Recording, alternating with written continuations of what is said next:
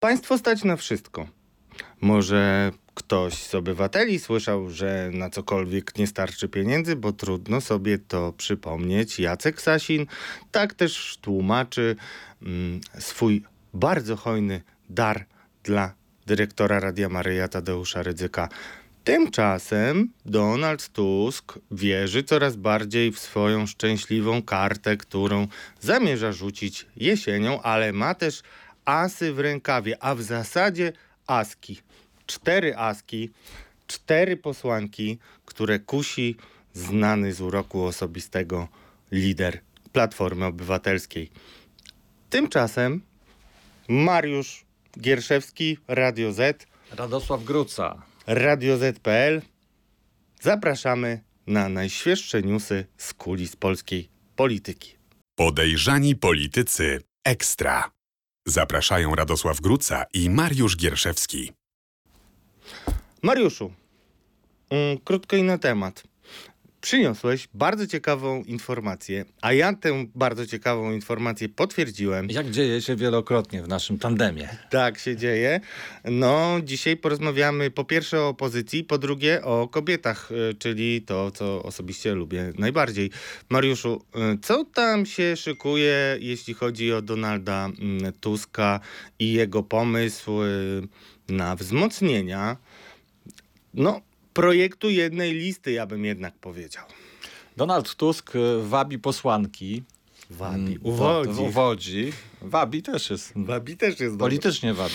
No tak. Y, I planuje mm, w sierpniu zrobić taki dosyć duży, głośny transfer. Powiedzmy, że w sierpniu będzie rejestracja list, więc Dokładnie. tak jakby za 5.12.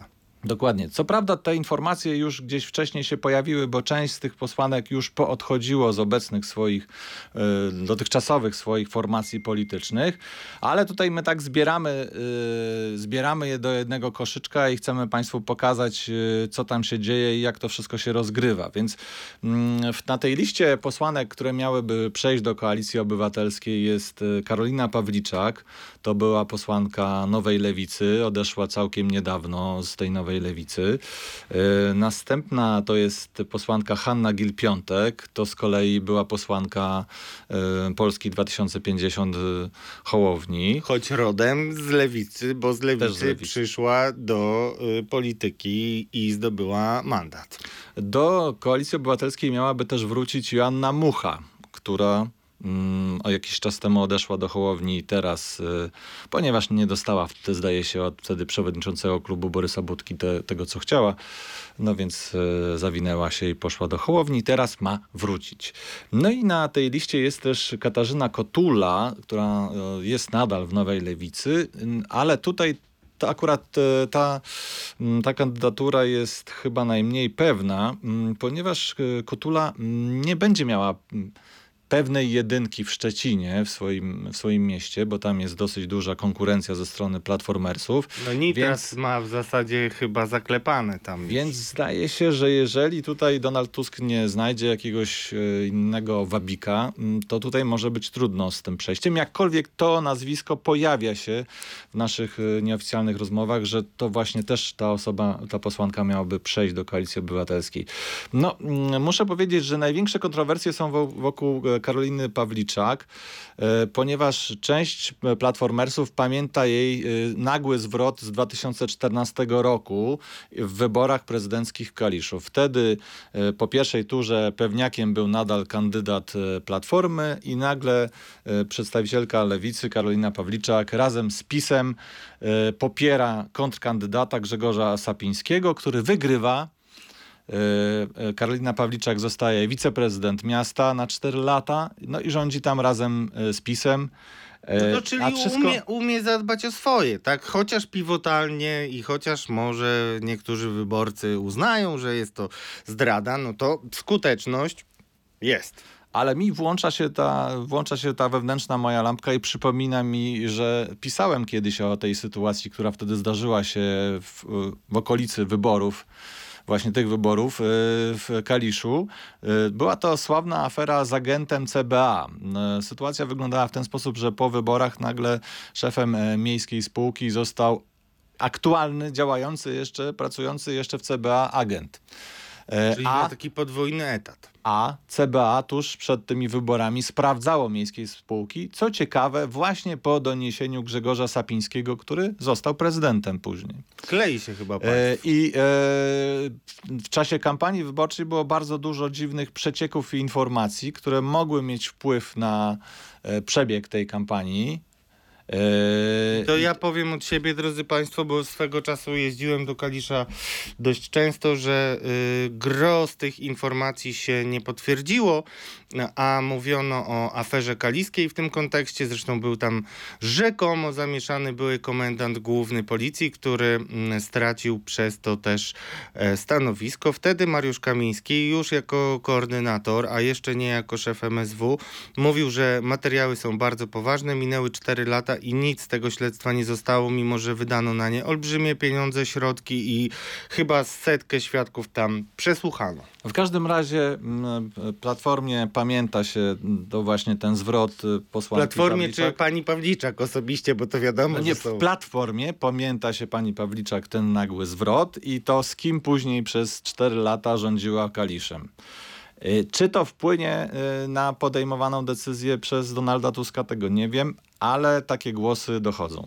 No, tutaj politycznie można to dość łatwo wytłumaczyć i ja nawet y, rozmawiałem z panią Pawliczak, która bardzo y, nie chciała mm, pogłębiać y, rozmowy o jej akcesie do Koalicji Obywatelskiej, Platformy Obywatelskiej, ale też pamiętamy takie sytuacje, że Członkowie Platformy potrafili lewicowych y, niektórych kandydatów zablokować. Tutaj Andrzej Rozenek, który jest jednym z bardzo aktywnych posłów i popularnych, y, no z racji na to, że był kiedyś wicenaczelnym e, tygodnika Nie, no to dostał e, no blokadę od e, posłów Platformy i polityków Platformy. No i tam niestety dla niego nie dostał się. No pytanie, czy rzeczywiście będzie taki opór, bo jeśli chodzi o panią Pawliczak, no to tutaj zdrada jest ewidentna i takie za, zataczanie koła może być e, pewnym problemem, ale już inne posłanki, no to, to widać takie lewicowe skrzydło. Jak ty byś oceniał? Chociaż e, no powinniśmy tutaj mieć taką szklaną kulę, żebym ci rzucał i, i jakby Tak to podkreślać polityce to. jest. Tak. Tak, no ale to też jakby mówimy o stanie na dziś. No, yy, może się to zmienić. Ale lewicowe wsparcie Tuska jest faktem. Ja y, osobiście wielokrotnie mówiłem, że to może kosztować zwycięstw, y, kosztować, no, kosztować porażkę mm, całej opozycji, no bo jak wiemy, któraś z partii, albo Lewica, albo Polska 2050, ta trzecia droga z PSL-em, jeśli spadną pod próg, no to to jest automatycznie faworyzowanie PiSu. Co sobie myśli Donald Tusk?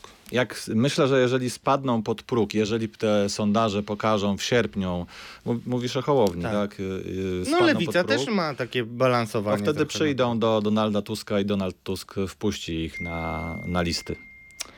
Bardzo niestety. Przepraszam, ale musimy być na bieżąco. E, Na razie e, nic e, nie wybuchło ani się nie wydarzyło. Czyli taka, moja taka jest taka wersja, że je, tak jak powiedziałem, jeżeli spadną pod próg w sierpniu, jeżeli to pokażą ich wewnętrzne sondaże, to wtedy przyjdą do Donalda, Donalda, Tuska i ten wpuści ich na listy. To będzie według mnie takie rozwiązanie. Natomiast co do tego przejścia tutaj mm, jeszcze jedna jest ważna, e, ważny aspekt.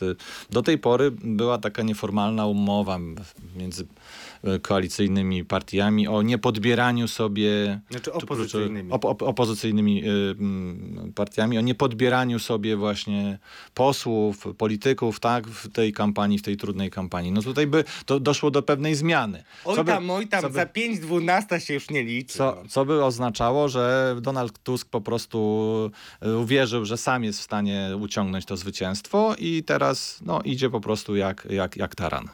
To mały komentarz ode mnie, y, jakie to będzie miało znaczenie. No, Platforma cały czas y, ma z tyłu głowy, że jeżeli PiS przyjdzie pierwszy w tym wyścigu, no to automatycznie prezydent Duda, który raczej nie zaskakuje samodzielnością, może wręczyć y, misję mm, tworzenia rządu partii, która jak wiadomo jest pierwsza. No i Platformie bardzo zależy, żeby takiego pretekstu nie dać prezydentowi. No już hasło mijanka, czyli sondaże, w których Platforma no, bardzo się zbliża y, do PiSu, y, no często się pojawia y, w Sejmie. No zobaczymy, czy Donald Tusk jako hegemon uciągnie tę sprawę. No jest to ryzykowne, ale też Istotne jest to, że tydzień temu mówiłem Państwu, głos na Konfederację to głos na PiS. Cały czas tak uważam. No i mogę powiedzieć, że też mamy znowu podwójnie skrosowane potwierdzenie plotki w moim przekonaniu, przynajmniej jeśli wierzyć Piotrowi y, y, Mullerowi, rzecznikowi rządu, który oficjalnie jej zaprzeczył. O co chodzi, bo teraz kierujemy się do centrum katolickiego świata Torunia. No tak, tak jak powiedziałeś, y, tutaj rozgrywającym po wyborach może być właśnie Konfederacja, której ostatnie sondaże dają 14%, tak? E, więc O Jezus, ona, no, ona naprawdę, może, Przepraszam, to ona może nie być, widziałem. No. ona może być tutaj tym najważniejszym języczkiem uwagi.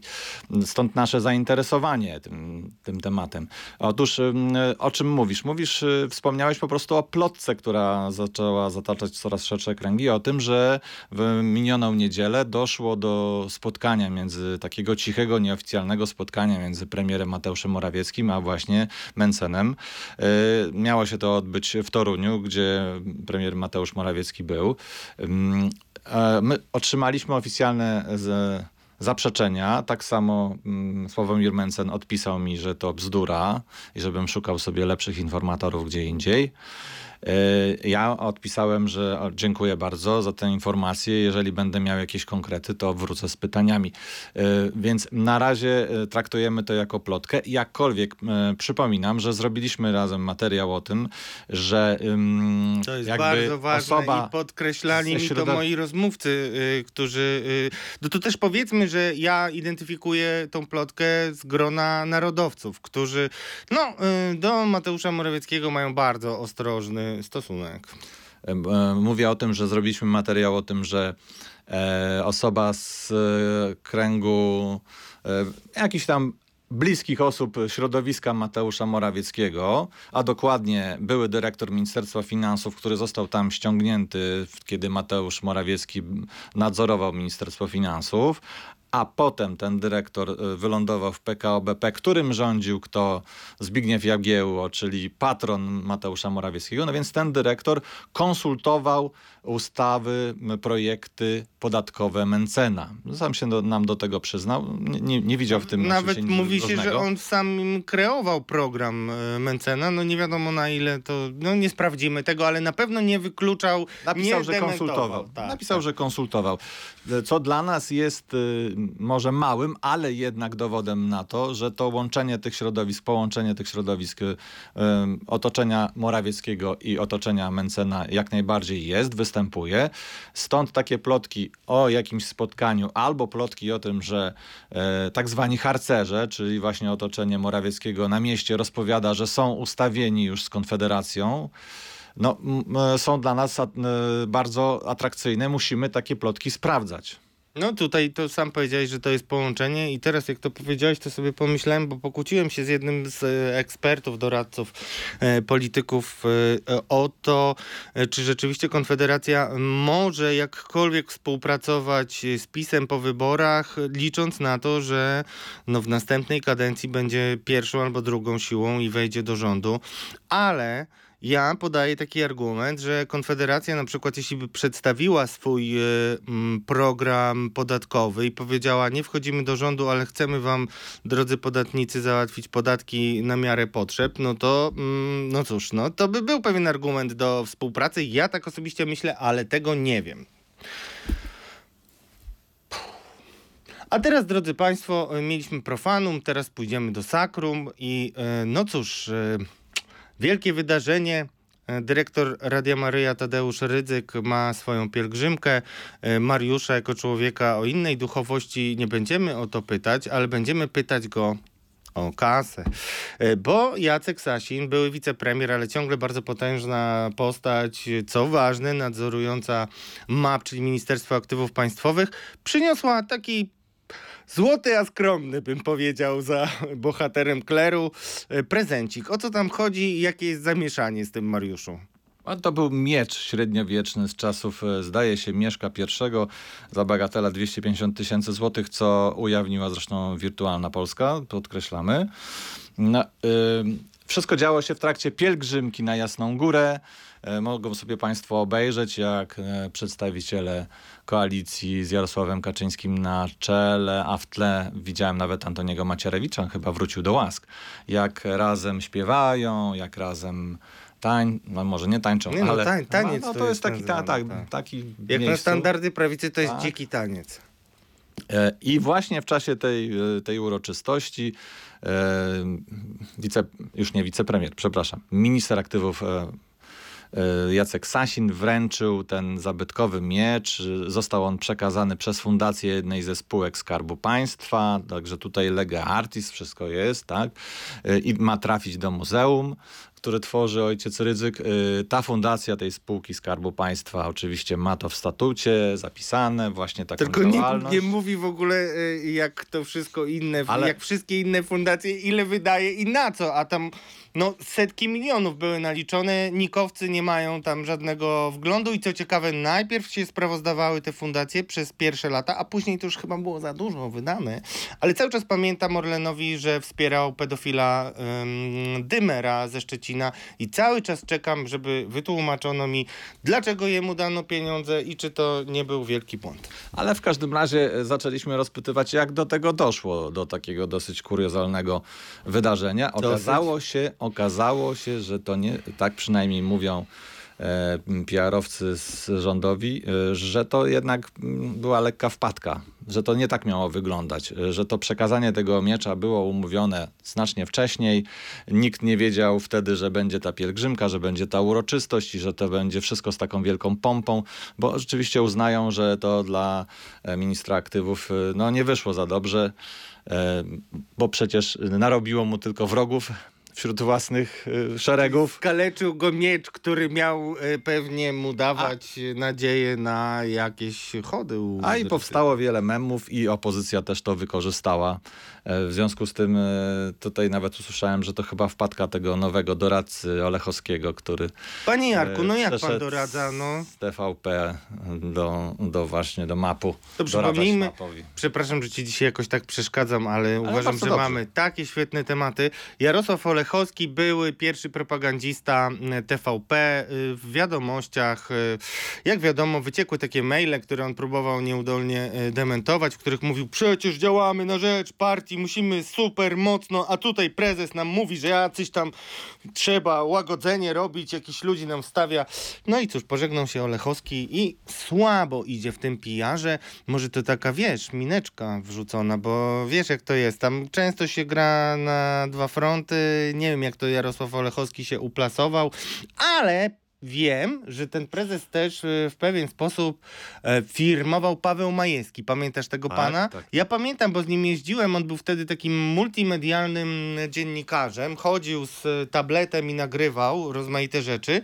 No a potem zaraz po wyborach, dzięki sympatii Beaty Kępy, znalazł się najpierw w KPRM-ie, potem w kolejnym ministerstwie. No wielka kariera, aczkolwiek dla mnie... PGNiG-u. A teraz jest w PGNiG-u i to PGNiG, rozumiem, był... Nie, nie, nie, nie. Nie PGNiG, no Nie, ale nie, widziałem nie, Pawła już nie jest Majewskiego. PGNiG-u. A, no okej, no za, za dużo tych po prostu funkcji, panie Pawle, no mm, yy, tak, no to jedna z moim zdaniem takich bardziej znamiennych przykładów karier, które nie powinny się wydarzyć. Okej, Nie zgodzę się z tobą do końca.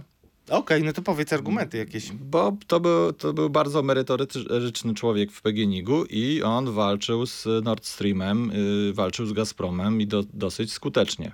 Okej, no to y, cesarzowi to cesarskie. Y, no, ten styl przejścia od dziennikarstwa do polityki bardzo mi się nie podoba.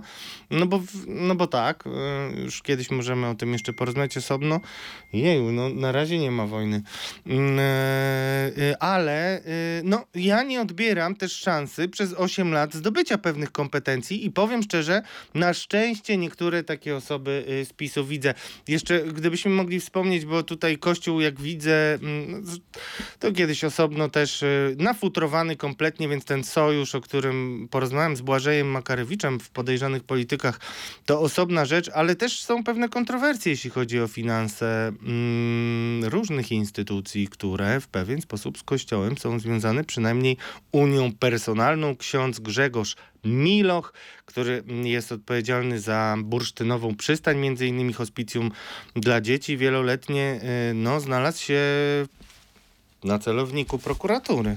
No tak, ujawniliśmy to, że toczy się śledztwo dotyczące nieprawo, nieprawidłowości finansowych e, w Stowarzyszeniu Hospicjum Świętego Wawrzyńca w Gdyni. E, Te nieprawidłowości miałyby polegać na niedopełnieniu obowiązków przez osobę odpowiedzialną według statutu stowarzyszenia za finanse, więc księdza Milocha, chociaż jest to e, na razie śledztwo w sprawie, więc on nie jest, e, nie ma żadnych zarzutów e, i tak dalej. Ale powiedzmy o Ale- kwocie, bo to mi się podoba. Dwa miecze by były z tej No więc kwoty. chodzi o kwotę co najmniej pół miliona złotych, która miałaby pochodzić z darowizn różnego rodzaju, która miałaby być zdefraudowana. To jest oczywiście, jak mówię, śledztwo na razie w sprawie. Ciekawe było to, że prokuratorzy z Gdyni nie chcieli zajmować Trójmiasta generalnie, bo to chyba, nie wiem czy z Gdyni, ale... Nie y, chcieli się tak. zajmować tą sprawą, ponieważ sami brali wielokrotnie w różnych zbiórkach i darowiznach na rzecz tego e, hospicjum, i, na, na rzecz tego stowarzyszenia, które prowadzi chyba kilka hospicjów, tak? Tak, dwa przynajmniej. Że także prokuratura okręgowa zdecydowała, że to śledztwo rzeczywiście zostanie przeniesione do Pucka i w tej chwili prokuratura rejonowa w Pucku zajmuje się tą sprawą. No to niech Państwo sobie porównają Gdynię do Pucka i zobaczą, ile tam jest mieszkańców. Potem zastanowią się, ile tam może być prokuratorów wykwalifikowanych. Drodzy Państwo, w takich sytuacjach, kiedy jest wszczęte śledztwo i y, istnieją uzasadnione podejrzenia, to w ogóle jest ciekawe, kiedy y, w sprawie jakiegoś księdza ta ekipa akurat wszczyna śledztwo.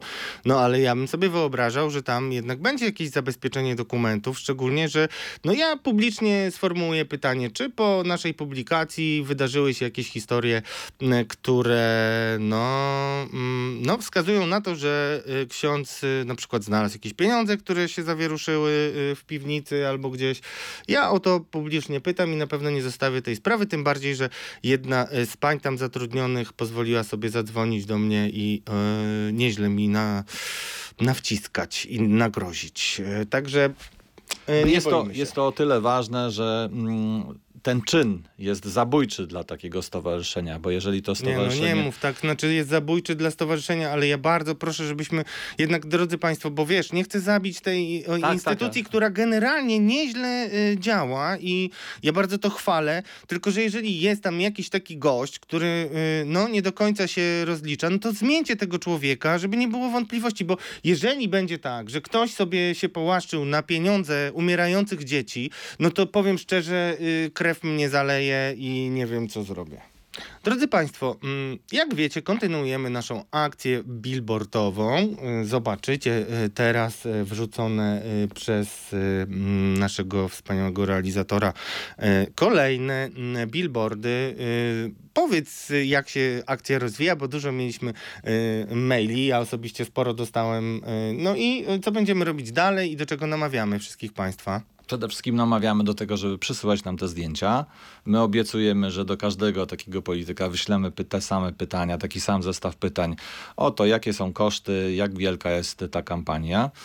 No niestety z dotychczasowej praktyki jest tak, że e, oni przysyłają nam też sztampowe odpowiedzi. To znaczy nie odpowiadają na pytania, jakie są koszty. Tutaj żaden z e, parlamentarzystów nam e, takiego, takiej odpowiedzi nie przysłał. Ale pan były wiceminister nie do końca nieskompromitowany, pozwolił sobie na takie ciekawe wstawki. No więc, no więc Nor- Norbert Kaczmarczyk zapewniał nas, Z że, jakiego ugrupowania? Suwerenno-Solidarna Polska. Że, s- że takie ramy na te billboardy to spawał razem z ojcem, czyli no, zrobił to własnym sumptem. No, nie podał tutaj kwot, ale pokazał, że to była jego e, zrób to sam taka działalność. Znaczy, E, generalnie to powiedzmy jeszcze, że y, też y, pytaliśmy o polityków Platformy, bo się pojawiły y, takie mm, billboardy. No, Posłanka Wikło na tak, przykład. posłanka Wikło. Yy, I jak się tłumaczyła? Tłumaczyła się, że, że to stoją na posesjach y, albo nieruchomościach, gdzie ona ma albo jakieś udziały, bo jest przedsiębiorcą, albo właśnie u niej na jakichś y, nie, nieruchomościach jej, której jest, których jest właścicielką, albo po prostu ma zapewnioną zgodę właścicieli. Czyli, że nie stoi to żadne, w żadnej, na żadnych publicznych terenach, tak?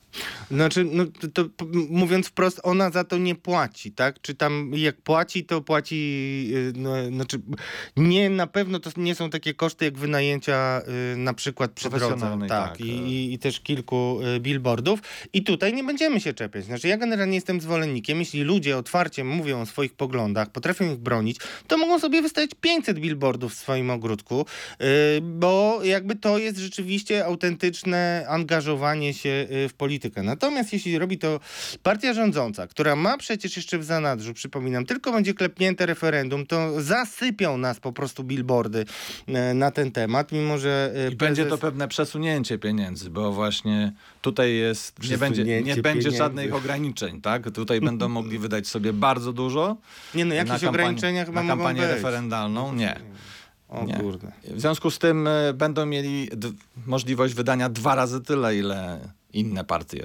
No to w ogóle nawet więcej. To będzie chyba taka bezprecedensowa. Nie, no w sumie tak, no głosuj na tak. Natomiast y, warto w tym kontekście powiedzieć, że Jarosław Kaczyński tak y, szczerze sobie powiedział, kiedy szczerze mówi, to jest zawsze jakieś e, m, ryzyko problemu. Y, W autobusie była taka wypowiedź, y, y, prezes mówi, że no zapytamy, czy Polacy popierają y, linię rządu, a wcześniej sobie wszyscy y, politycy PiSu, y, może nie wszyscy, ale otwarcie i głośno mówili, że no wiadomo, że potrzebujemy to jako glejtu, bo wiadomo jak zagłosują Polacy. No więc jakby państwo sobie powiecie, czy to jest uczciwe, czy to nie jest ten kazus, że budujemy boisko y, przeciwko opozycji, gdzie my jesteśmy na górce, a Platforma i reszta y, opozycji musi się y, wspinać. Słuchaj, a... Dokładnie, jak już Kasa, wspomniałeś. kasa.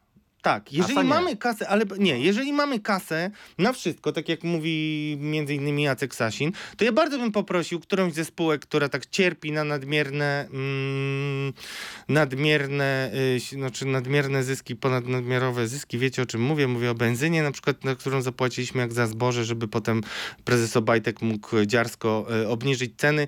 Mamy taką propozycję, chyba wspólną, jesteśmy za policjantami, ja osobiście przeciwko komendantowi. Dlaczego policja y, jednak bardziej by chyba skorzystała na y, no 250 zł na pewno by wystarczyło na to, żeby Tysięcy. 250 tysięcy na pewno by wystarczyło, żeby zmienić y, no, tragiczną sytuację i e, Państwo zobaczycie e, też, e, dlaczego mm, e, mówimy o tragicznej sytuacji. No, zastanówcie się, czy chcielibyście być na miejscu e, tych policjantów, którzy wcale nie mają e, niektórzy radości z wykonywania dziwnych poleceń komendanta. Co tam obudziło Twoją wrażliwość, Mariusz? Wiesz co, przysłali nam policjanci zdjęcia z jednego z bloków, który w Warszawie stoi, w którym, w którym mieszkają policjanci, emeryci policyjni, e, z którego mm, rok czy dwa lata temu odpadła cała elewacja, mm, czyli całe wycieplenie i ten blok stoi teraz, wygląda jak po prostu straszydło. Mm, Przesłali nam zdjęcia także przeciekających okien na klatce schodowej i cieknących, y, no, tam piszą o tym, że cieknie dach i tak dalej. To wszystko jest y, mm, oczywiście własnością MSWiA. MSWiA mówi, że nie ma pieniędzy na remont tego bloku, a tam y, no, mieszkają tacy ci policjanci, którzy, których my spotykamy, tacy właśnie szeregowi, ci, którzy są na ulicach, ci, którzy wykonują na, na tą naj, naj, najbrudniejszą robotę. No i fajnie by było, żeby ktoś jednak pomyślał o tym, że, żeby im te warunki lokalowe poprawić, mówiąc w cudzysłowie, czyli żeby ten blok jednak wycieplić przed zimą. Żeby się chociaż nie zawalił. Nie, no to... Pokażemy, pa- pokazujemy Państwu właśnie zdjęcia. No, nas to bardzo poruszyło. I, no i też jakby uczciwie podchodzimy do tego. Jesteśmy krytyczni wobec komendanta, który już od grudnia po naszej informacji o granatniku i wybuchu w komendzie głównej policji powinien no, pożegnać się. I ja jeszcze jedno przypomniałem sobie a propos e, tej ruiny, w której muszą mieszkać policjanci, którym bardzo współczuję. Może zresztą jakiś sponsor e, i fundacja, która przecież nie musi się spowiadać nawet nikowi, znajdzie taką kasę, żeby e, pomóc policjantom. Na pewno e, wtedy pochwalimy nawet te, tę fundację, ale pamiętam, nie wiem czy pamiętasz, y, jak y, któryś z tabloidów, moim zdaniem fakt y, ujawniał, gdzie się leczył po tym e, zdarzeniu z granatnikiem e, gen, generalny inspektor Jarosław Szymczyk. Po tym już jak wyszedł ze szpitala, odbył wywiad dosyć słaby. Słuchaj, poszedł do willi takiej, która y, była operacyjnym lokalem, ulica Łowicka. No źle nie ma, podobno ma też zakusy takie, żeby sobie tam zamieszkać na dłużej. Wyremontowany jest zapewnie. Nie, No, wyrem- tam jest full wypas, no, a nie, a nie y, wyremontowana. No nie wiem, jak się czują policjanci e, i panie y, generalny inspektorze, komendancie główny. Y, bardzo, bardzo prosimy, żeby pan jednak się pochylił nad losem tych policjantów, y, którzy mm, żyją w takich y, skandalicznych warunkach, skoro pieniędzy nie brakuje i mamy na wszystko. No i cóż, Mm, A propos policji, kiedyś e, badałem taką historię pana komendanta, między innymi Krakowa, e, Pobuty, który blisko jest związany z moim drugim e, antyidolem, Markiem Kuchcińskim, takim, no, były marszałek Sejmu w skandalicznych, tak. też miałem do okolicznościach. No to powiedz, co zapamiętałeś z kariery e, Marka Kuchcińskiego. Ja też tak, żeby być na bieżąco, pamiętałem, że on generalnie lubił takich e, ludzi mm, sceptycznych wobec mm, uczczenia e, rzezi wołyńskiej, gościć na różnych spotkaniach, ale to nie jest jedyna rzecz, która mu ciąży. No przed laty ja ujawniłem loty marszałka, to, że marszałek Kuchciński latał z członkami rodziny e, samolotem służbowym.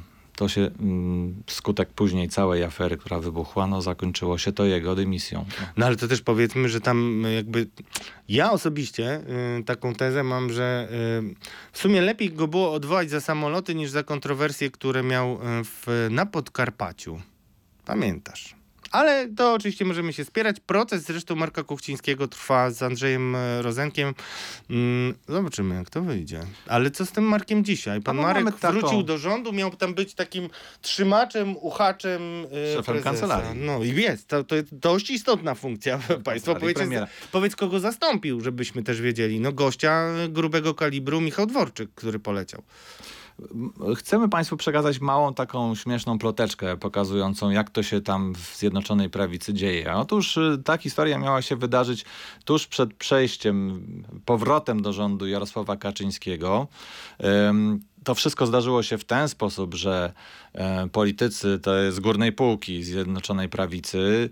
To miał być Jacek Sasin, e, Mariusz Błaszczak, Elżbieta Witek i ktoś jeszcze, e, pojechali na Nowogrodzką i przekonywali prezesa, że powinien wrócić do rządu i właśnie przedstawili taki pomysł, że mm, ci, którzy wicepremierami są w rządzie, zrezygnują z tego wicepremierostwa i tylko Jarosław Kaczyński zostanie jedynym wicepremierem. On na to właśnie, na ten pomysł przystał. No i potem mieliśmy ponoć taką jakąś, jakiś czas takiej flauty, że nic się nie działo. No i teraz dochodzą nas informacje, że działo się to, że w kancelarii premiera pan Marek Kuchciński nie za bardzo był chętny, żeby wystawić odpowiednie dokumenty do tego, żeby przeprowadzić ten cały proces e, no, dymisji, tak, zejścia ze stanowiska. E, To trwało. Podobno były różnego rodzaju pytania, no kiedy, kiedy to się zdarzy. Kuchciński miał powiedzieć, że no tutaj premier nie jest za bardzo rozwolennikiem tego pomysłu, więc on też tak nie wie. I to się przez jakiś czas miało ciągnąć. Y, Oczywiście zakończyło się to jednak tym, że doszło do tej dymisji tych wicepremierów i Jarosław Kaczyński został jedynym wicepremierem, ale ponoć później e, prezes PiSu e, zastanawiał się, czy właśnie nie zdymisjonować Kuchcińskiego. No bo po co mu taki szef kancelarii, który nie wiadomo komu służy, tak? Mm, Dopiero w, os- Komu służy? w, No, osta- no, no, no. w ostatnich e, Słuchaj, dniach... żebyś powiedział jasno, że to chodzi tylko o Polaków, bo tutaj nam zarzucają różne rzeczy. My zresztą cały czas jesteśmy bacznie monitorowani przez KRIT. Jak tylko powiemy coś, co będzie podpadać pod kwestię bezpieczeństwa, to mamy W każdym razie mm, ostatecznie prezes Jarosław Kaczyński ten pomysł zarzucił. No niemniej, e, gdyby do tego doszło, to byłaby rzeczywiście niezła sensacja, gdyby doszło do dymisji Marka Kuchcińskiego. I też ciekawe, że on musi się orientować na takie no, chyba nowe dla siebie środowisko, a też jeszcze przypomnijmy, nie wiemy tego, ale na pewno mu nie pomoże e, śledztwo, które na Podkarpaciu e, się toczy. Ty uważasz, że to raczej nie ma związku, a ja jestem cały czas podejrzliwy w podejrzanych politykach. A tak, mówiliśmy o tym, że został, zarzuty o, były prezes jednej ze spółek Skarbu Państwa, e, prawa ręka Marka Kuchcińskiego, nawet tam na Podkarka, Podkarpaciu mówiło się, że to jest synek Kuchcińskiego, e, tak się o nim mówiło. Dostał zarzuty za, w takim e, tajnym śledztwie dotyczącym nie, nielegalnego zbierania funduszy na wybory Prawa i Sprawiedliwości, które mm, śledztwo toczy się w prokuraturze, a prowadzi je między innymi, nie, nie między innymi, prowadzi je CBA, o tak.